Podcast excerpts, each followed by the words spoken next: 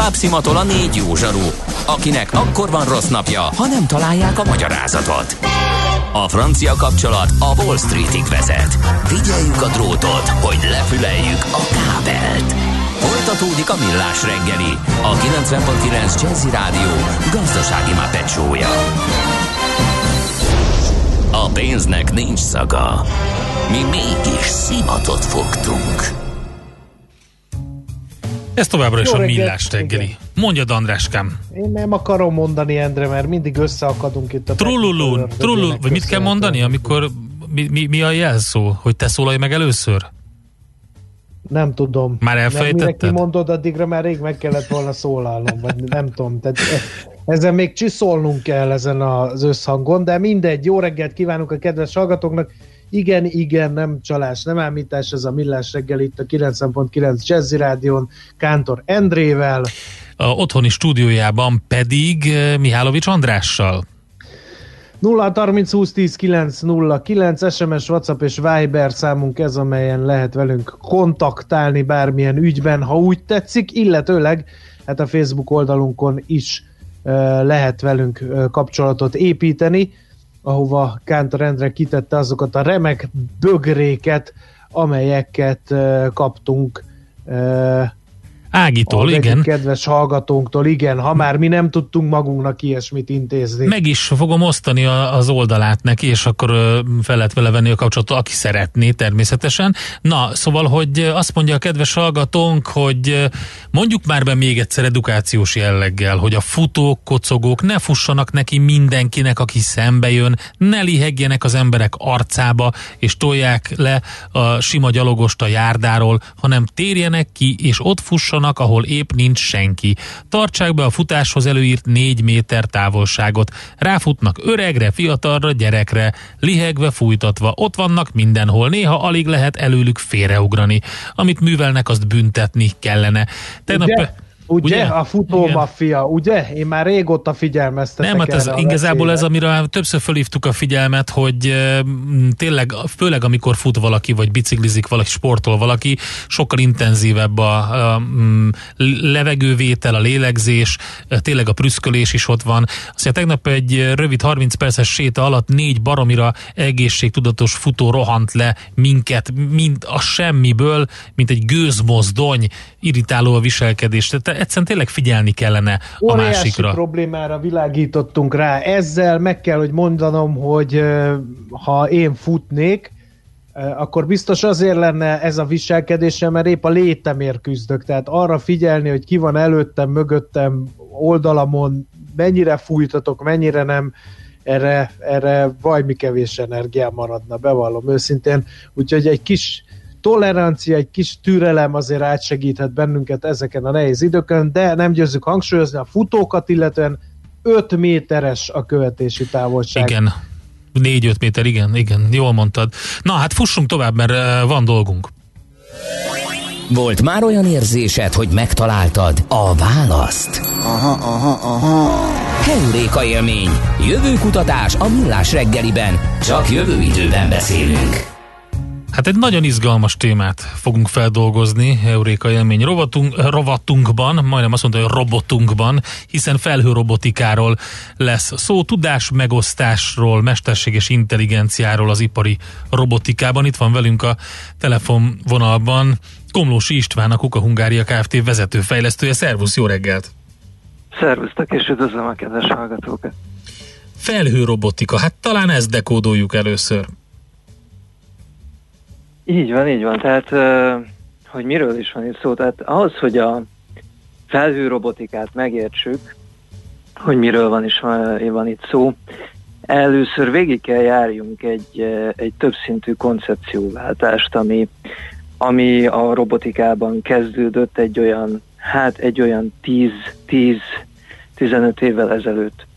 Tulajdonképpen itt arra kell, azt kell megérteni, hogy ahhoz, hogy egy robot el tudja végezni a feladatát, ahhoz a roboton több szoftver, illetve hardware komponens szimultán együttműködése szükséges. Ezek mind különböző funkcionalitást valósítanak meg, ilyen például a pályatervezés, vagy a lokalizáció, hogy a robot meg tudja magáról mondani, hogy ő maga hol van a világban, de ilyen például a, a motorvezérlés, illetve, illetve a robot szenzorainak, a szenzoros adatainak a begyűjtése. És első, első körben a cél az, hogy megpróbáljuk ezeket, ezeket a szoftver komponenseket egymástól függetleníteni, illetve külön választani. És azután, hogy, hogy ez a különválasztás sikerült, ugye az adatáramlást az egységek között még ugyanúgy biztosítani kell, és itt, itt jön a, a felhőrobotika következő lépése, az, pedig az, hogy, hogy ezek a szoftver modulok egymással a hálózaton uh, fognak uh, beszélni, a hálózaton fognak adatot cserélni, de itt még mindig ezek a szoftver komponensek a roboton vannak. És tulajdonképpen a harmadik lépés az, ami lehetővé teszi a felhőrobotika koncepció megvalósítását, hogy most, hogy ezek a, ezek a komponensek tudnak a hálózaton egymással beszélni, egymással, le tudjuk őket venni a robotról. Uh-huh. Tehát tulajdonképpen ezeket a szoftver komponenseket szét tudjuk szórni egy, egy felhőben, és le tudjuk őket venni a robotról. És, és nem, nem kell, hogy ezek most már a roboton fizikailag ott fussanak. És tessék mondani, ez biztonságos? Mármint mondjuk az adat átvitel szempontjából biztonságos, hát, hiszen igen, ez ilyen zöggenőmentes és, és kimaradásmentes kapcsolatot feltételez a robot és a felhőszolgáltató között például. Ez, ez bizony így van. Erre, erre rátérhetnénk akkor, hogy amikor majd a, a, a felhő robotikának a, a hát hogy, hogy nem is a hátrányait, de, de, hogy, de hogy mik a nehézségek a felhő robotikában, ez pont Aha. egy ilyen például. Ez pont egy ilyen. De talán először is, hogy, hogy miért jó ez, igen, tehát ez tehermentesítés szempontjából jó, vagy, vagy igen, pontosan az volt a kérdés, hogy mi, mi, a, mi a cél? Ez az egyik nagy előnye például, tehát számításigényes funkcionalitások esetében, mint például a navigációs algoritmusok jó része elég számításigényes, ezt a számításigényt le tudjuk venni a robotról, és ki tudjuk tenni a felhőbe. Ugye ezáltal egyrészt növekszik a számításkapacitás, másrészt erőteljes párhuzamosításra van lehetőség, és emiatt a, például a sebességben nagyságrendeket lehet ugrani. Továbbá egyéb uh, praktikus okai is vannak, mint például maga a robot hardware, és sokkal egyszerűbb lehet. És tehát egyszerűbb, egyszerűbb és, és ezáltal olcsóbb is lehet a robot hardware. Továbbá egy következő, egy következő lépés az lehet, hogy csak a fizikai eszközök kezelésére szorítkozunk a roboton, és minden szoftver komponens, ami nem, nem direkt a fizikai eszközök kezelésére van, kezelését végzi, azok mind a felhőben futnak. Ugye ez, ez például egy, egy, egy, egy távlati terve a felhőrobotikának. De ahogy említettétek is, azért itt, azért itt nyilván felmerülnek problémák. Ugye, hát ahogy, ahogy mondtátok is, ugye az egész megoldás erőteljesen hálózat alapú. Így ezért erőteljesen ki is van téve hálózati kommunikációban fellépő késleltetéseknek és ingadozásoknak. Uh-huh. És például uh, uh, ipari felhőrobotikai megoldások esetében itt bizony a adatbiztonsági kérdések, adatbiztonsági kérdések erőteljesen felmerülnek. Ezt jó részt úgy próbálják például ipari felhő alkalmazásokban kivédeni, hogy egy leválasztott privát hálózaton valósítják meg a, a, az ipari felhőt. Stimmel. Um, Oké, okay, néztük, néztük a hátrányait ennek a dolognak, de nyilván az előnyei um, olyan mértékben előre lendítik az ilyen jellegű robotok felhasználását, hogy alapvetően ez szabja meg a fejlesztési irányt. De hogy például, hogyha valamilyen, hát ilyen kicsit ilyen zsargonnal szólva laggolás van, akkor az hogy befolyásolja, hogy védi ki ez a robot, hogy, vagy ezek a robotok, hogy, hogy ne legyen gond akkor, hogyha az adatátvitelben történik egy pár hmm. mikroszekundumos akár késedelem? Hát ez nagyon is függ attól, hogy, hogy milyen felhasználási területen helyezkedik el ez a robot. Éppen ezért pont az olyan komponenseket szokták kiszervezni a felhőbe, amik, amikre nincsenek ilyen, nincsenek ilyen nagyon erős időzítési követelmények. A nagyon erős időzítési követelményű szoftverkomponenseket még mindig ott hagyják a robot platformon. Uh-huh. Úgyhogy jelenleg, jelenleg az a, ez, a, ez ennek tulajdonképpen a kivédése. De ugye most, hogy milyen, milyen ugye kérdezted, hogy milyen egyéb előnyei vannak. Igen. Ugye, amiről eddig beszéltünk, az tulajdonképpen a, ez volt az architekturális megközelítése a felhő robotikának, viszont az alapvető koncepció, ami mentén az egész felhő robotika elindult, az az, hogy a robotokat hálózatba kötjük egymással. És így lehetővé válik az, hogy adatokat osszanak meg egymással, és ezáltal létrejöhet egy tudásmegosztás, illetve feladatmegosztás. Tehát ilyen tipikus uh, tudásmegosztásos alkalmazás például, amikor egy robot flottának egy nagy területet kell feltérképezni. És e, így, egy, így a térkép elkészítéséhez több, több, több robotot is lehet használni. Ez egy tipikus légi felderítős feladat lehet például, és aztán a sok térkép részből összeáll a nagy egész. Hasonló példa például, hogy egy robotflotta egy, egy objektumot keres valami, egy, egy, egy nagy területen. Oké, okay, ez jó, hogy említed ezeket. Milyen tipikus felhasználási területei vannak akkor en, ezeknek ilyen exakt példákkal? Tehát mondjuk egy gyáron, vagy egy ilyen gyártós soron belül gondolkodjunk, hogy keresnek egy objektumot? Tehát nem, nem egy ilyen katonai felderítésről volt szó most.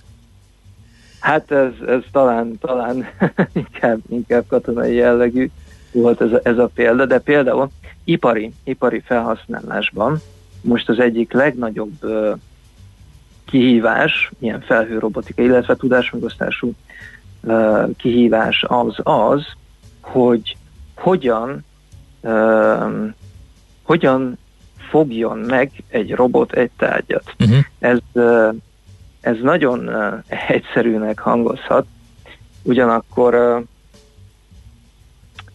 um, ugyanakkor ez, ez ez, ez itt magába foglalja már a kontextus felismerést, illetve, illetve a szituáció felismerést. Szóval vegyünk például egy szerelő robotot, és az a szerelő robot az lát egy, egy alkatrészt a kameráival. És akkor el kell dönteni azt, hogy, hogy ezt a tárgyat, ezt hogyan fogja meg úgy, hogy ne törje össze. És ez például most van a, ha jól tudom, az International Space Station is van egy robot, ami, ami egy, egy, egy szerelő robot, és, és ott például elérték azt, hogy, hogy hogyha ő lát például egy csavart, egy valamilyen objektumot, akkor, akkor egy ilyen, ilyen tudásmegosztásos módszerrel tudni fogja azt, hogy, hogy az egy csavar, vagy, vagy, vagy valamilyen másfajta másfajta alkatrész, és úgy fogja tudni megfogni, illetve áthelyezni, hogy egyrészt sem önmagában nem tesz kert, sem, sem az elég, elég kritikus tehát az elég kritikus szerelési munkálatokat is el fogja tudni végezni. Hát persze, gondoljunk csak bele, hogy nem azonosítja jól a tárgyat például, vagy, vagy tönkreteszi, akkor pont a nemzetközi űrállomáson beszerezni egy másikat, az nem, nem olyan egyszerű. Így igaz, így igaz. Tehát akkor egy elég sok, sokrétű feladatról van szó, mert ugye nem csak azt a finom me- mechanikát, motorikus ö, dolgot kell megoldani, hogy, hogy hogy fogja meg a, azt a tárgyat, hanem itt egy sor feladat van, tehát először is fel kell térképezni a területet, fel kell meg észrevenni, hogy az nem odavaló, azonosítani, hogy az micsoda, és akkor utána végrehajtani azt, hogy, hogy azt felveszi, elteszi máshova, vagy esetleg beszereli oda, ahova az való. Így van, így van, hát ez egy rendkívül komplex feladatsor Amiben, tehát van, de ez egy, ez egy rendkívül speciális is egyúttal. Ami például, ami ipari, ipari relevanciája van, az, az, az némileg egyszerűbb, tehát ott tényleg olyan, olyan dolgokról van szó, hogy, hogy egy robot például egy kamerával, aminek van egy kamerája, az, az hogyha lát egy eszközt, vagy lát, egy, lát valamit, amit, amit manipulálnia kell, azt, azt fel kell tudja ismerni, hogy micsoda. Tehát ez, ez részint tudás megosztáson alapuló módszer, másrészt nagyban, nagyban mesterséges intelligencia algoritmusokat is kíván. Uh-huh. Oké, okay, mit, mit jelent a, a, mi a kihívás uh, például számodra um, és a fejlesztők számára? Oké, okay, azt értettem, hogy például ezeket a finom motorikus mozgásokat megtanítani, um, és, és ezt az egész folyamatot teljesen um, hibamentesen vezérelni, ez biztos nagyon nehéz, de mondjuk mi az, amiben gondolkodtok, hogy a jövő uh, szempontjából érdekes lehet? Mert most ezen dolgoztok már, ez, ez megvan. Hova, mi a következő lépés? A jövő szempontjából, amit, amit talán az, amit korábban is említettem, hogy tehát az egész, az egész robot szoftver úgy, ahogy van, le tudjon kerülni, le tudjon kerülni magáról a robot és, és tehát pont ugyanezek a, a legnagyobb kihívások, amik most a legnagyobb veszélyeket jelentik, tehát a késleltetés, illetve, illetve ingadozás. Most, most olyan, olyan megoldásokat próbálunk keresni, amik, amik egyre biztosabb hálózati megoldásokon alapulva lehetővé fogják tenni, hogy, hogy ilyen valós idejű követelményeknek is eleget tudjunk tenni. Azt kell mondjam, hogy most uh, nagyban bízunk abban, hogy, a, hogy az Industrial 5G az, uh, az egy előrelépés lesz majd például uh-huh. ezen, a, ezen a területen. Ugyanakkor azt is látni kell, ugye ez olvasható a hírekben, meg elég sok hír volt erről, hogy az 5G azért még mindig bevezetési fázisban van, úgyhogy amíg ez, ez a ipari, ipari standardokat is teljesíteni tudja, azért még el, kell, el fog tenni némi idő. Oké, okay. hát figyeljük akkor ezeket. Köszönjük szépen, érdekes volt ez a kis betekintés a szakmátokba. Jó munkát nektek, és neked szép napot a továbbiakban is. Köszönöm szépen, a Kolmos Istvánnal beszélgettünk a Kuka Hungária Kft. vezető fejlesztőjével, felhőrobotikáról, illetve tudásmegosztásról eh, és mesterséges intelligenciáról az ipari robotikában. Egy kedves hallgatónk írta, hogy 15 éve már ezzel játszottak az egyetemen, hogy egy üvegedényt eh, fogjon meg a robot, hogy ne törje össze, de ha beleöntenek folyadékot, akkor a súlytól meg ne csúszson ki a kezéből, tehát régebb óta foglalkoztatja ez természetesen a fejlesztőket. Az egy nagyon komoly szint már, amiről pont István eh, mesélt, ez egy specializált robotok esetében. Keuréka élmény, a millás reggeli jövőben játszódó magazinja. Mindent megtudtok. Majd.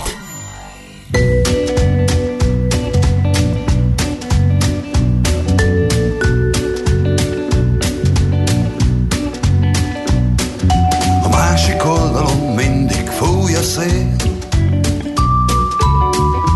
Sötét, nyírkos kötszitán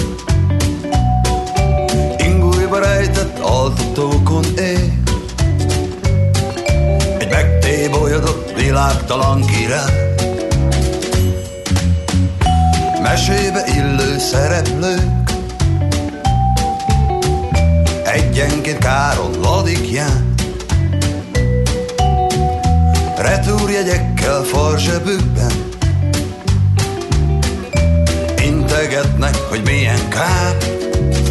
Hogy itt maradtál. Vigyél el innen kicsi eső. Vigyél messze innen el A mögöttem ácsorgó idő. Ha a szemeivel játszik egy teddibe Kómában fekvő idegenek Fogaik között szorítják.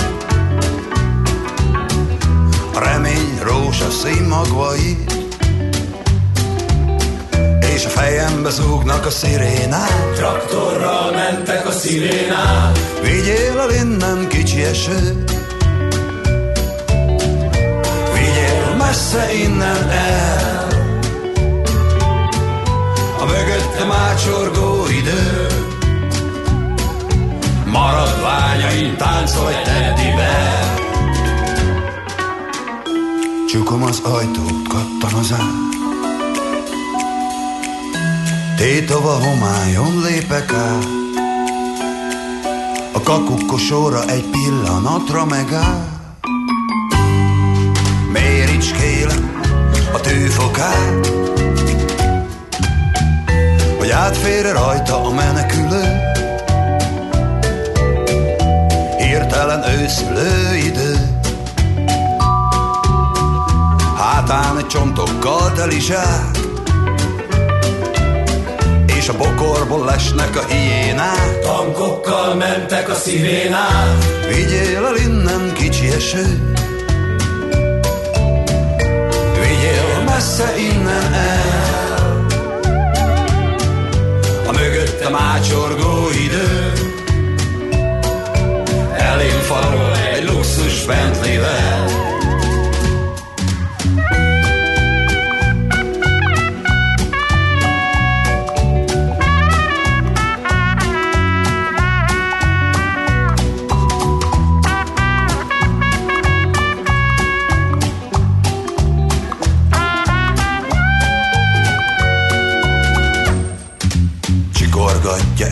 koldus a fogsorát A hulladék gyűjtő fölé hajolva A fejéből épp egy arasz nyit, ha kilát. Bezár a magyar királyi Débolydal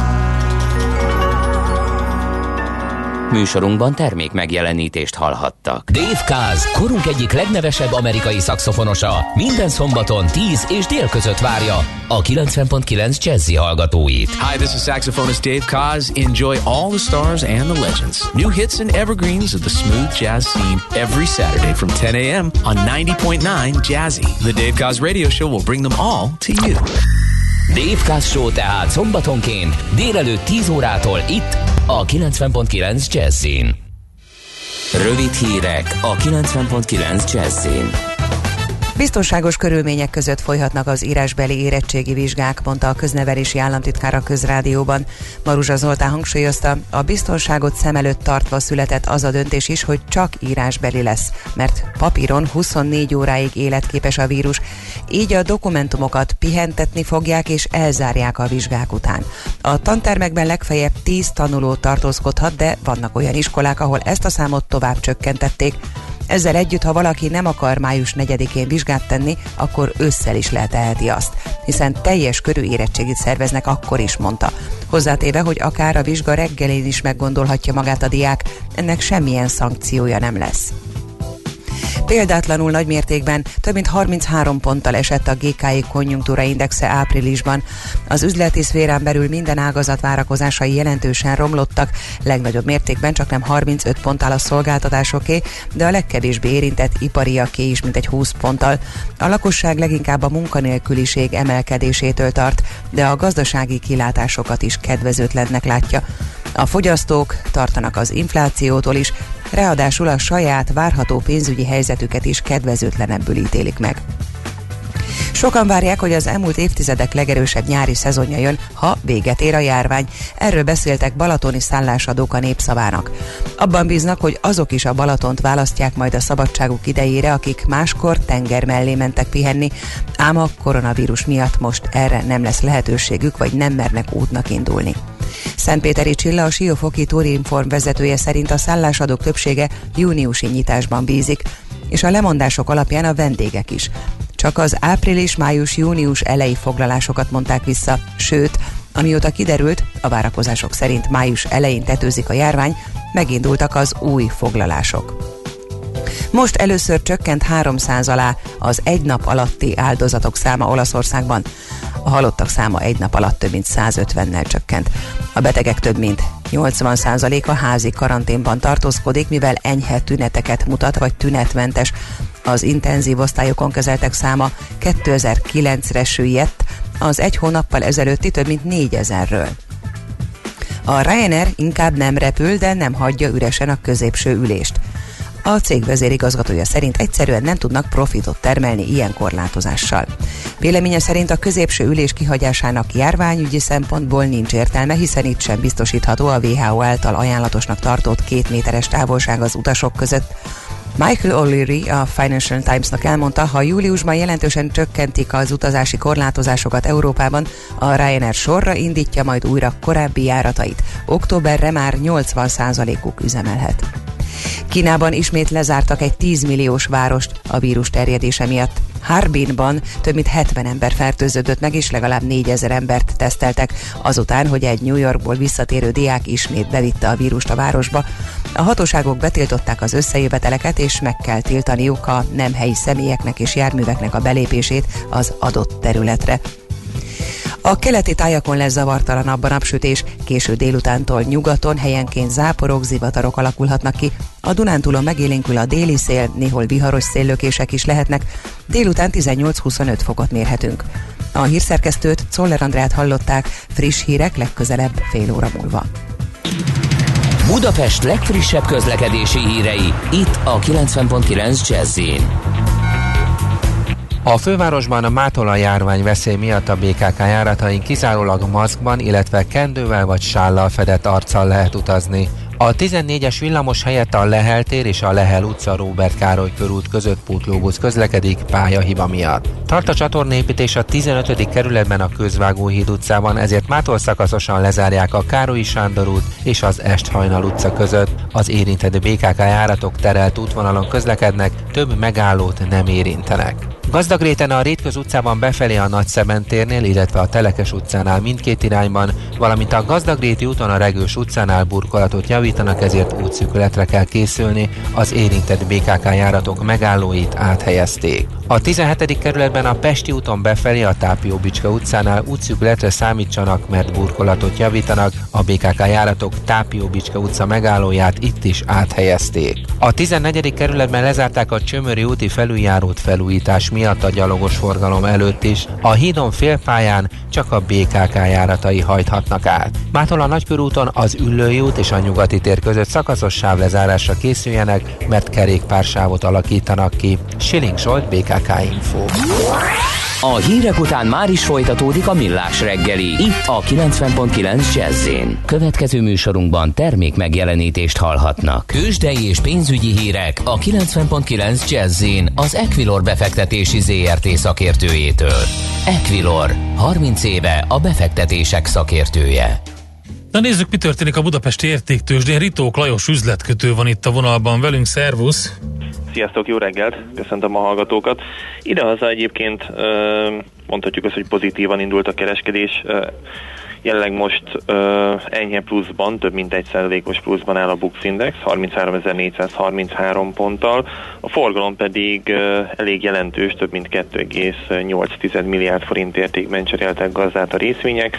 Ha megnézzük a vezető papírokat, az OTP-t jelenleg uh, 8600 forinton kereskedik, ez pedig 2,3 százalékos plusz jelent. Emelkedik a MOL árfolyama is, 1,3 százalékkal 2038 forinton kötik. Richter is pluszban van, jelenleg egy százalékos ez a plusz, 6570 forinton kötik, illetve a Magyar Telekom papírja is enyhe, majdnem egy százalékos, kicsivel több mint egy százalékos pluszban állnak 371 forinttal, illetve a a kis és közepes kapitalizációjú papírok közül ö, ki lehet még emelni az Opus papírjait, 4,5-5%-kal tudnak emelkedni, igen jelentős, tehát több mint 260-270 milliós forgalom mellett 279 forint 50 fillér most az árfolyama. Mi a helyzet a devizapiacon? Meg egyáltalán mielőtt a devizapiacra rákanyarodnunk, ilyenkor fel kell tenni a kérdést, hogy várhatóan ma valamiféle tőzsdét befolyásoló makroadat, elemzés, nyilatkozat? Igazából nem várunk fontosabb eseményt. Ma hajnalban már volt ugye a Bank of Japannak, tehát a Japán Központi Bank tartott egy monetáris ülést, egy további kötvényvásárlást jelentettek be, ezzel megtámasztották a piacot. Ez ugye látszódott az ázsiai kereskedésen is, 1 és 2 százalék közötti pluszokban zártak az ázsiai piacok, Európában pedig elég jó a hangulat, német DAX Index, DAX Index 2,6 százalékkal tud emelkedni, többi európai vezető tőzsdeindex is másfél-2 százalékos pluszban van, illetve az amerikai határidős indexek is nagyjából 1 százalékos pozitív nyitást indikálnak, és átérve egyébként a devizapiacra, a forint viszont, forint pedig tovább erősödött a vezető devizákkal szemben. Az euróval szemben most már 354 alatt jár a jegyzés, 353 forint 75 fillér, ez tehát az euróforint, ez nagyjából egy fél százalékos erősödésnek felel meg, illetve hasonló mértékű visszaesést láthatunk a dollár-forint esetében, 326 forint 35 fillérnél járnak most a jegyzések. Az euró-dollár tekintetében pedig azt látjuk, hogy némileg tudott erősödni az euró a dollárral szemben, 1.0836 fontos szintnél jár most az eurodollár árfolyama, és ha még pár szót szólunk a árupiacról, ahogy látom az ora, olaj határidős kereskedése, illetve árfolyama tovább csökkent a VT-t, ez ugye a júniusi kifutású VT 13,5%-os mínuszban áll, a Brent típusú is 4,5-5%-os mínuszban, egyre idegesebbek egyébként az olajpiaci kereskedők, folyamatosan telnek meg ugye a tárolók, az olajtankerek, és egyre közelebb van ugye a, a júniusi kontraktusnak a kifutása, ami majd egyébként május közepén várható. Oké, okay, nagyon szépen köszönjük, jó munkát, jó kereskedést nektek! Köszönöm nektek is, jó munkát, sziasztok! Ritók Lajos üzletkötővel beszélgettünk a budapesti értéktősde, az európai piacok és a deviza piac nyitása után kialakult helyzetről. Tőzsdei és pénzügyi híreket hallottak a 90.9 jazz az Equilor befektetési ZRT szakértőjétől. Equilor, 30 éve a befektetések szakértője.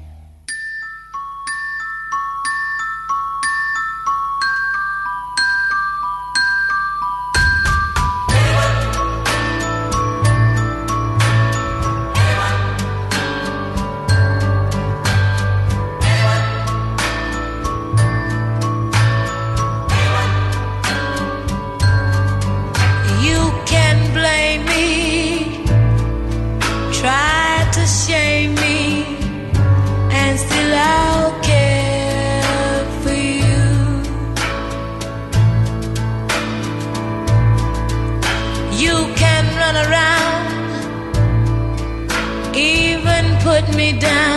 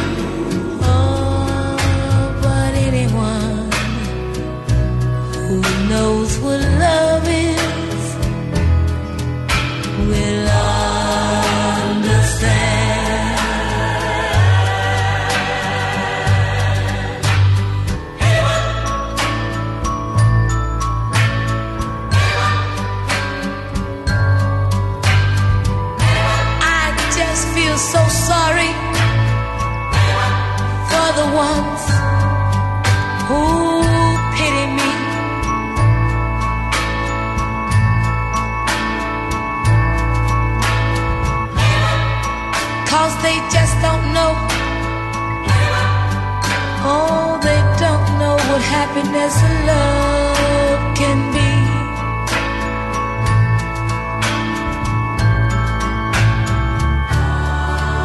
I know, I know to ever let you go oh, is more than I could ever stand. Oh, but anyone knows.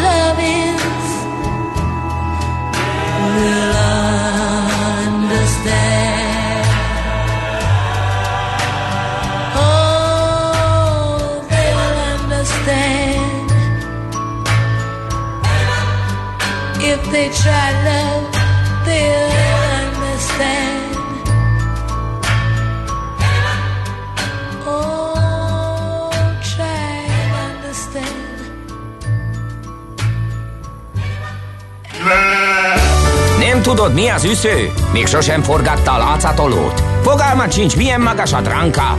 Mihálovics gazda segít? Mihálovics gazda, a millás reggeli mezőgazdasági és élelmiszeripari magazinja azoknak, akik tudni szeretnék, hogy kerül a tönköly az asztalra. Mert a tehén nem szálmazsák, hogy megtömjük, ugye? Képzeld el, Endre, hogy a minap beleszaladtam egy tejnek titulált, de ízre és állagra olyan kicsit furcsa jellegű. Az itt volt a hűtőben? Színű, fehér színű ital, italban. Nem, nem. Azt nem hittem, mert itt, itt van ilyen, itt szokott lenni sűrűn a, bent a rádióban, itt a hűtőben. Na, az is megér egy misét, igen, de itt most nem a, nem a, a lejárt szavatosság az érdekes, hanem ez egy teljesen friss okay. termék volt, még jó sok idő volt a lejáratáig, de mégis elgondolkodtam, és utána néztem egy kicsit, hogy lehet-e hamisítani a különböző tejeket, tejtermékeket. Képzeld el, hogy egész komoly szakirodalma van annak, hogy miképpen hmm. hamisítják Miért nem lepődtem a... meg? Hát igen, emlékszel az arra a parás beszélgetésre, amikor kiderült, hogy a gesztenye pürét babbal hamisítják de, meg. De az se, igen, már a bab is túl drága volt, vagy, vagy igen. már nem is emlékszem, hogy mi volt, és akkor már csak szóját raktak bele, vagy. Igen, igen, igen. Na most kérlek szépen a tej is, és a tejtermékek is hamisíthatóak nem meglepő módon, ráadásul, és akkor lelőném itt a, a poént, ezeket gyakorlatilag csak kémiai, analitikai vizsgálatokkal lehet feltárni, Aha. hogyha hamisított tejtermékre bukkan az ember. Megmondok néhány példát, hogy, hogy miért kérlek szépen. Hát az, hogy vizezik a tej, tejet, azt ugye, hogyha nagyon túlszalad a ló a, a vizezővel, akkor azért valamennyire érzed, meg így látod az állagán is, de ezt is kimutatni elég nehéz. Pedig a vízoltható sótartalma csökken így a, a tejnek. Ezt fel is szokták ismerni, úgyhogy képzeld el, hogy azt szokták csinálni, hogy a tejet felvízezik, majd amikor nem jól sikerül, akkor tesznek hozzá még egy kis sót.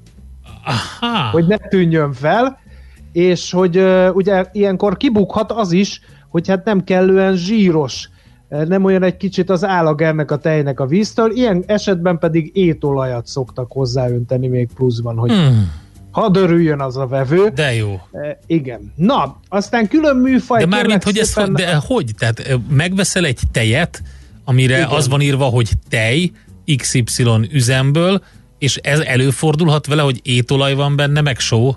Hát nem tudom, nem tudom, én nem akarok senkit sem vádolni, nyilván ez egy nagyon-nagyon komoly uh, vád lenne, hogyha így van, uh, vagy így lenne, de egy biztos, hogy találtam ennek szakirodalmát, nem egymást biztatják természetesen a teipari cégek, hogy ilyesmit alkalmazzanak, inkább ez egy ilyen figyelemfelkeltő valami, hogy a fogyasztók számára, hogy biztos van olyan, aki ezt csinálja. Uh-huh. És hogy elég nehéz lebuktatni, ugyanúgy, mint a mézhamisítókat nagyon nehéz lebuktatni, mert ott is ugye ott is kémiai, analitikai módszerek szükségesek ahhoz, hogy, hogy kiderüljön, hogy mivel ütötték fel a mézet.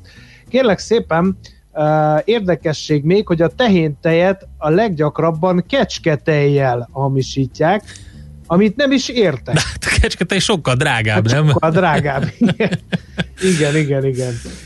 Ezt úgy szokták kibuktatni, ezt a turpisságot, hogy a kémiai összetétele ugye a tejeknek, a kecsketejnek és a, a tehintejnek teljesen más, és az UV spektrumuk is más, uh-huh meg eltérő a zsírsav összetételük, meg, meg stb. stb.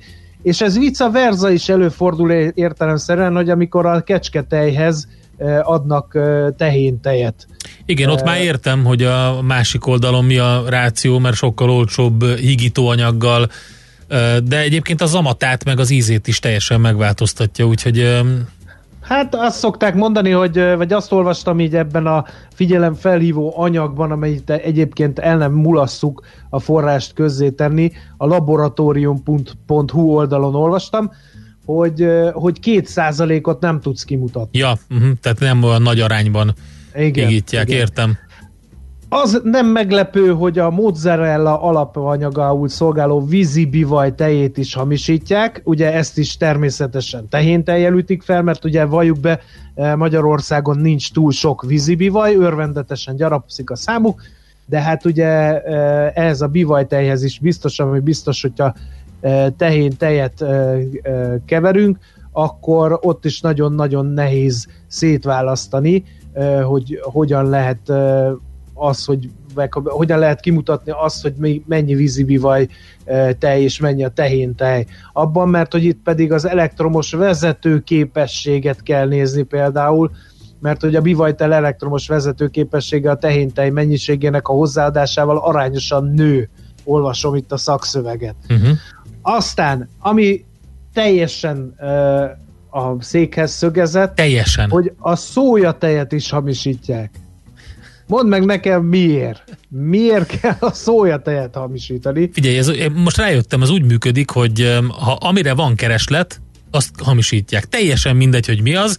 Nyilván, hogyha szójatejet el, állít elő valaki, és van rá kereslet, akkor azt már rögtön lehet hamisítani is, és olcsóbban előállítani. Igen, igen.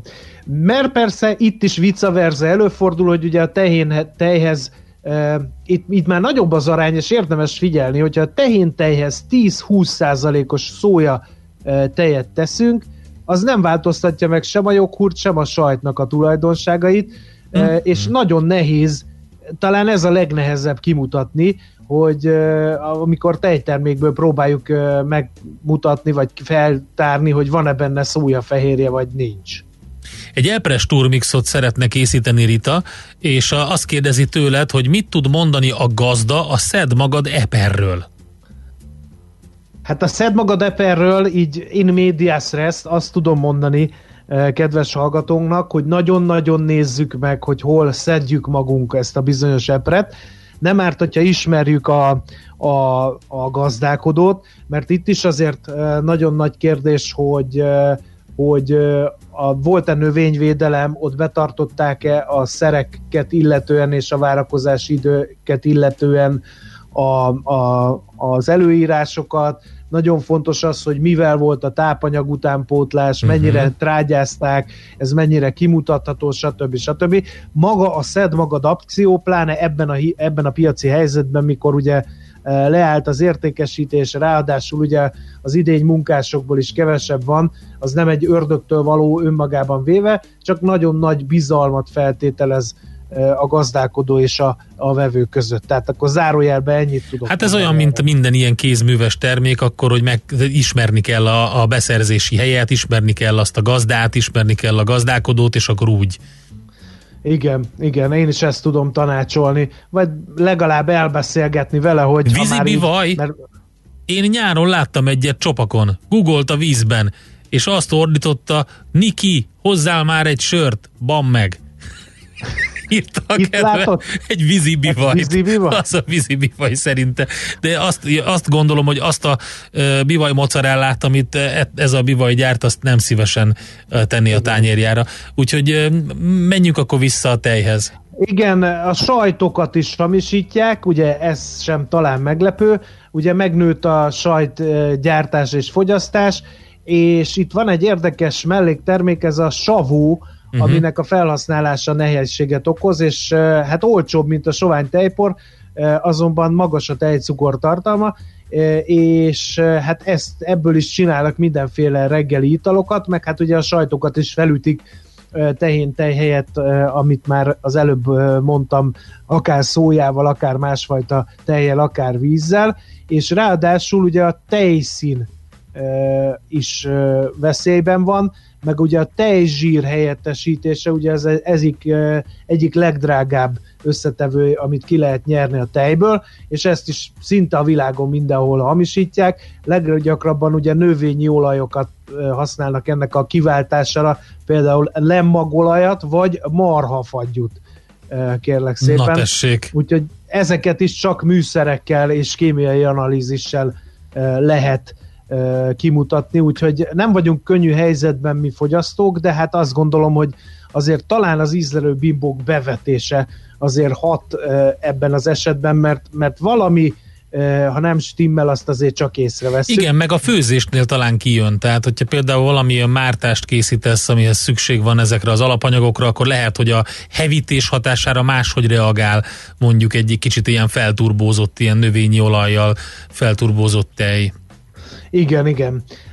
De mondom, otthon ilyen kis kémiai analitikai laborja senkinek nincs, úgyhogy igazából a hatóságoknak a feladata megvédeni a fogyasztót, és a nébiket hadd vegyem azért a védelmembe, mert ők szoktak csinálni úgynevezett supermenta teszteket, amelyekkel egy-egy termékkört vizsgálnak, és ott azért kiszokott derülni a turpisság. Ezek a vizsgálatok nem olcsók ugyan, de nagyon tanulságos, hogyha valami olyasmit találnak, ami nagyon elharapózott.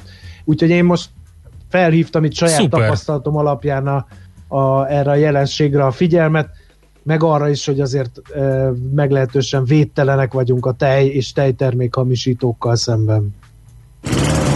Mihálovics gazda most felpattant egy kultivátorra, utána néz a kocaforgónak, de a jövő héten megint segít tapintással meghatározni, hány mikron a gyapjú. Hoci a pipát meg a bőrcsizmát. Most már aztán gazdálkodjunk a rézangyalát. Elszaladt az időnk, András, ennyit még szeretnék a végére uh, itt a gánai sztorihoz, uh, és remélem, hogy Gyula még hallgat minket, mert hogy a, az, ő írta meg a, azt a sztorit, hogy hogy már is mondom, hogy a, a, a csokonya visontai, a csokonya visontai körorvos is gánai és szőlőt is művel, és azt írja, hogy köszönjük, hogy beolvastuk. Amúgy a család neve Boateng, csak hogy egy még érdekesebb legyen a dolog. Nagyon szeretem a műsorotokat, és most fejhallgató nélkül kihangosítva hallgatlak benneteket, mert mindenki otthonról dolgozik, csak én magányos jövök be a nagy üres irodába. Üdv, Gyula, Pozsonyból mondja. Úgyhogy eh, nagyon szépen köszönjük neki ezt és eh, Senna Dagadú énekesnő rapper a Airi Mafia Random Trip is Akrában született, tehát eh, Gánában, Gána fővárosában született tette hozzá egy másik kedves hallgatónk, hát őt sokszor hallhatjátok itt a Jazzin, a mi műsorunk alatt is, úgyhogy ennyit még a gánai műsorrészhez. Úgyhogy na, akkor Ja igen, láttátok a tök állatot? A, aki látta, annak biztos beégett a retinájába.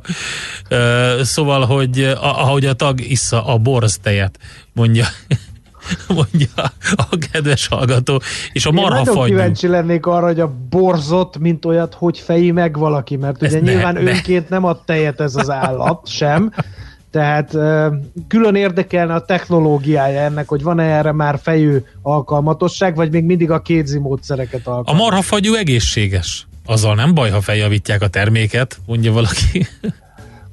Hát én nem tudom, ha valaki marhafagyút akar vásárolni, vásárolja Igen. marhafagyút, de ha tejet akar vásárolni, akkor nem biztos, hogy marhafagyút akar vásárolni. Ha értitek, mire gondolok. Teljes mértékben. Nagyon szépen köszönjük András a, és a gazdának a szakértelmét, neked a kitartást otthoni stúdiódból, a kedves hallgatóknak pedig a sok üzenetet, eh, Áginak, a kerámikusnak a bögréket, úgyhogy maradjatok velünk Facebook oldalunkon, holnap reggel ismét jövünk 6.30-tól lesz Milás reggeli, eh, addig is jó eh, munkát és jó pihenést utána mindenkinek.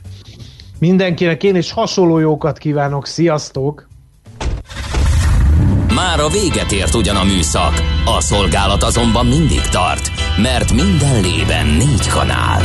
Holnap reggel újra megtöltjük a kávés bögréket, beleharapunk a fánkba és kinyitjuk az aktákat. Addig is, keressetek minket az arcaktákban, a közösségi oldalunkon. A mai adás podcastjét pedig holnapunkon. Millás reggeli, a 90.9 Jazzy Rádió gazdasági mapetsója. Ha csak egy műsorra van időd idén, tégy róla, hogy ez legyen az. Csak egy dolog lenne még.